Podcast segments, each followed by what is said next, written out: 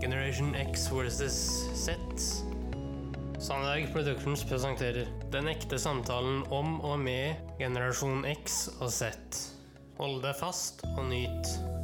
Hei, hei, kjære lytter, og hjertelig velkommen til eh, luke 22 av 24 i Generation X versus Z julekalender for 2020. Og eh, før du begynner, Ja. så vil jeg eh, grave ned gårsdagens gåte. Du vil det, du. Hva var gåten? Det får du høre nå. Ja. Riddle number 21. Why did the little drummer boy allow the chicken to join him in his band? Ja. Ja. Og på norsk så lød det, Henrik. Hvorfor lot den lille trommisen kyllingen bli med han i bandet? Vi hadde vel ikke noen direkte gode svar der? eller? Jeg mener jeg sjøl var inne på noe, men eh, det Ja. Skal vi høre? Yes. Riddle number 21. Answer because the chicken had drumsticks. Ja, ikke sant? Det var litt morsom, da. ja, eh, Og på norsk så var det Nei, fordi uh, kyllingen hadde trommesikker. Ja. Men eh, skal vi kjøre dagens, eller? Ja, det gjør vi. Yes. Riddle number 22. The snowman went to dermatologist because his head was itchy and dry. What does the snowman get when they itches his dandruff? Ja. Ja da. Og på norsk, kjære sønn? Snømannen dro til hudlegen fordi eh, hodebunnen var kløende og tørr. Hva får snømannen? Den her vet jeg faktisk. Det vet du. Er det sånn Er det en logisk følge av ting her, eller er den litt liksom på kanten av kreativitetsnivå her? Nei, den eh, Altså, mer logikk får du ikke. Oi, såpass. Mhm. Ok. Ja, nei, da Du får nesten ikke mer logikk, så det, det jeg, eh, jeg hører til i morgen, jeg. Gjør det. Men er det noe du ville ta opp mer i dag, sa du?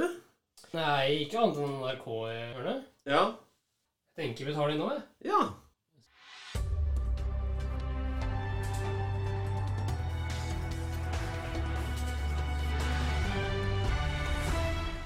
NRK-hjørnet.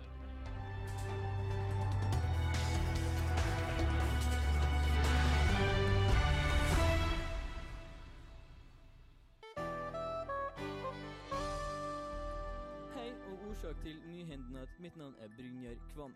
Innherad.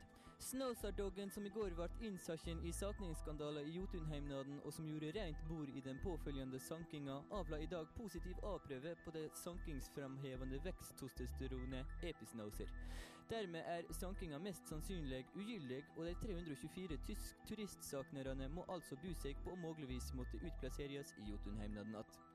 Es ist verdammt. Wenn Sie glaubst, dass du gefunden ist, dann kommst der verdammte Schnauzerdog mit einem positiven A-Teste. Was in die heiteste Himmler ist das für eine Dog? Ich begehe so wahnsinnigste verdammt aus diesen ins Jotunheimer und das ganze idiotische Schnauzerdog.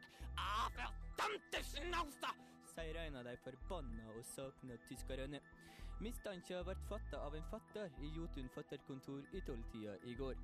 Når en har fatta såpass mye som jeg har, så er, det, så er mistenke noe av det letteste å fatte.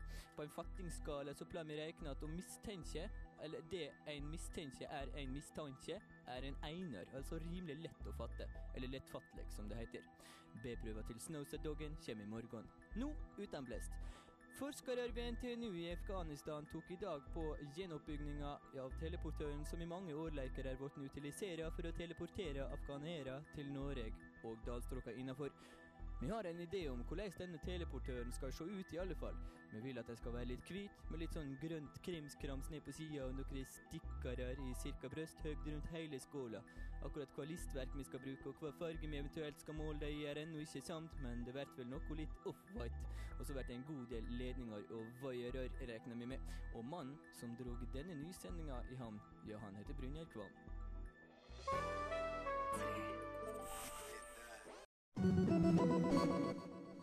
Ja, ja. Ja, ja, ja, ja, ja, ja. Det blir bare bedre og bedre, dette her, Henrik. ja. Det blir ikke noe dårligere, i hvert fall. Det blir det i hvert fall ikke. Vi koser og hygger oss. Det gjør vi. Og med luke 22 Husker du fra i går? Ja. Kristoren, var det ikke det? Ja, Kristoren. Kan jeg bare ta den julemagien eh, ved solverv en gang til? Vær så god. Den mørkeste natten i året kan du finne tre tørkede blader av kristtorn og knuse dem til pulver i en morter. På et lite hvitt eh, papir skal du skrive ned den egenskapen du ønsker skal vokse fram i deg i løpet av det nye året. Bruk en rød tusj. Nå skal du drysse kristtornpulveret over ordet og brette sammen arket. Dette arket skal du tenne på med flammen av et rødt lys, og mens det brenner, vil den nye egenskap begynne å vokse i deg. Ja, Henrik, det var liksom kristtorn, men det som jeg har lyst til å fortelle litt om i dag, Henrik, Jaha. det er noe som heter Kristtornkongen og Eikekongen, og det er ikke noe å kimse av. Vi skal virkelig langt tilbake i tid her også. Og det er det som er hovedhensikten også med noen av de lukene, at man går veldig langt tilbake i tid, og gjerne historier som våre besteforeldre mm, knapt selv hadde hørt om. Ja, altså vi har jo eh, gått veldig langt tilbake, og da til hedensk tid eh, ofte. Ja da. Veldig langt tilbake. Og eh, jeg tror jeg skal fortsette i dag, hvis det er greit for deg, Henrik. Kjør på. Takk for det. Dette er historien om Kristtornkongen og Eikekongen. Mm. Når Kristtornkongen regjerer, er verden frosset til is og vinteren kald og hard. Men de gamle kelterne visste at dypt nede i jorda danner røttene skudd i det stille. Innerst i sine stammer sparer trærne på kreftene og venter på at mørkets tidevann skal snu. Når tiden er inne, skal de våkne på ny, og da vil en ny konge bli født. En konge som kommer med solas voksne styrke og omsorgsfulle varme. Det er eikekongen trærne venter på. Samtidig tenner menneskenes lys, som for å hjelpe naturen i sin runddans ønsker den nye kongen velkommen. De gir hverandre gaver som styrker vennskapsbånd og beviser deres kjærlighet til hverandre. De pynter husene sine med kristtorn og misteltein og binder kvistene sammen til en krans, slik årets jul også går rundt og rundt. Slik ønsker de den gamle kongen velkommen tilbake på tronen. Kristornkongen og Eikekongen er tvillingbrødre som hersker over hver sitt halvår.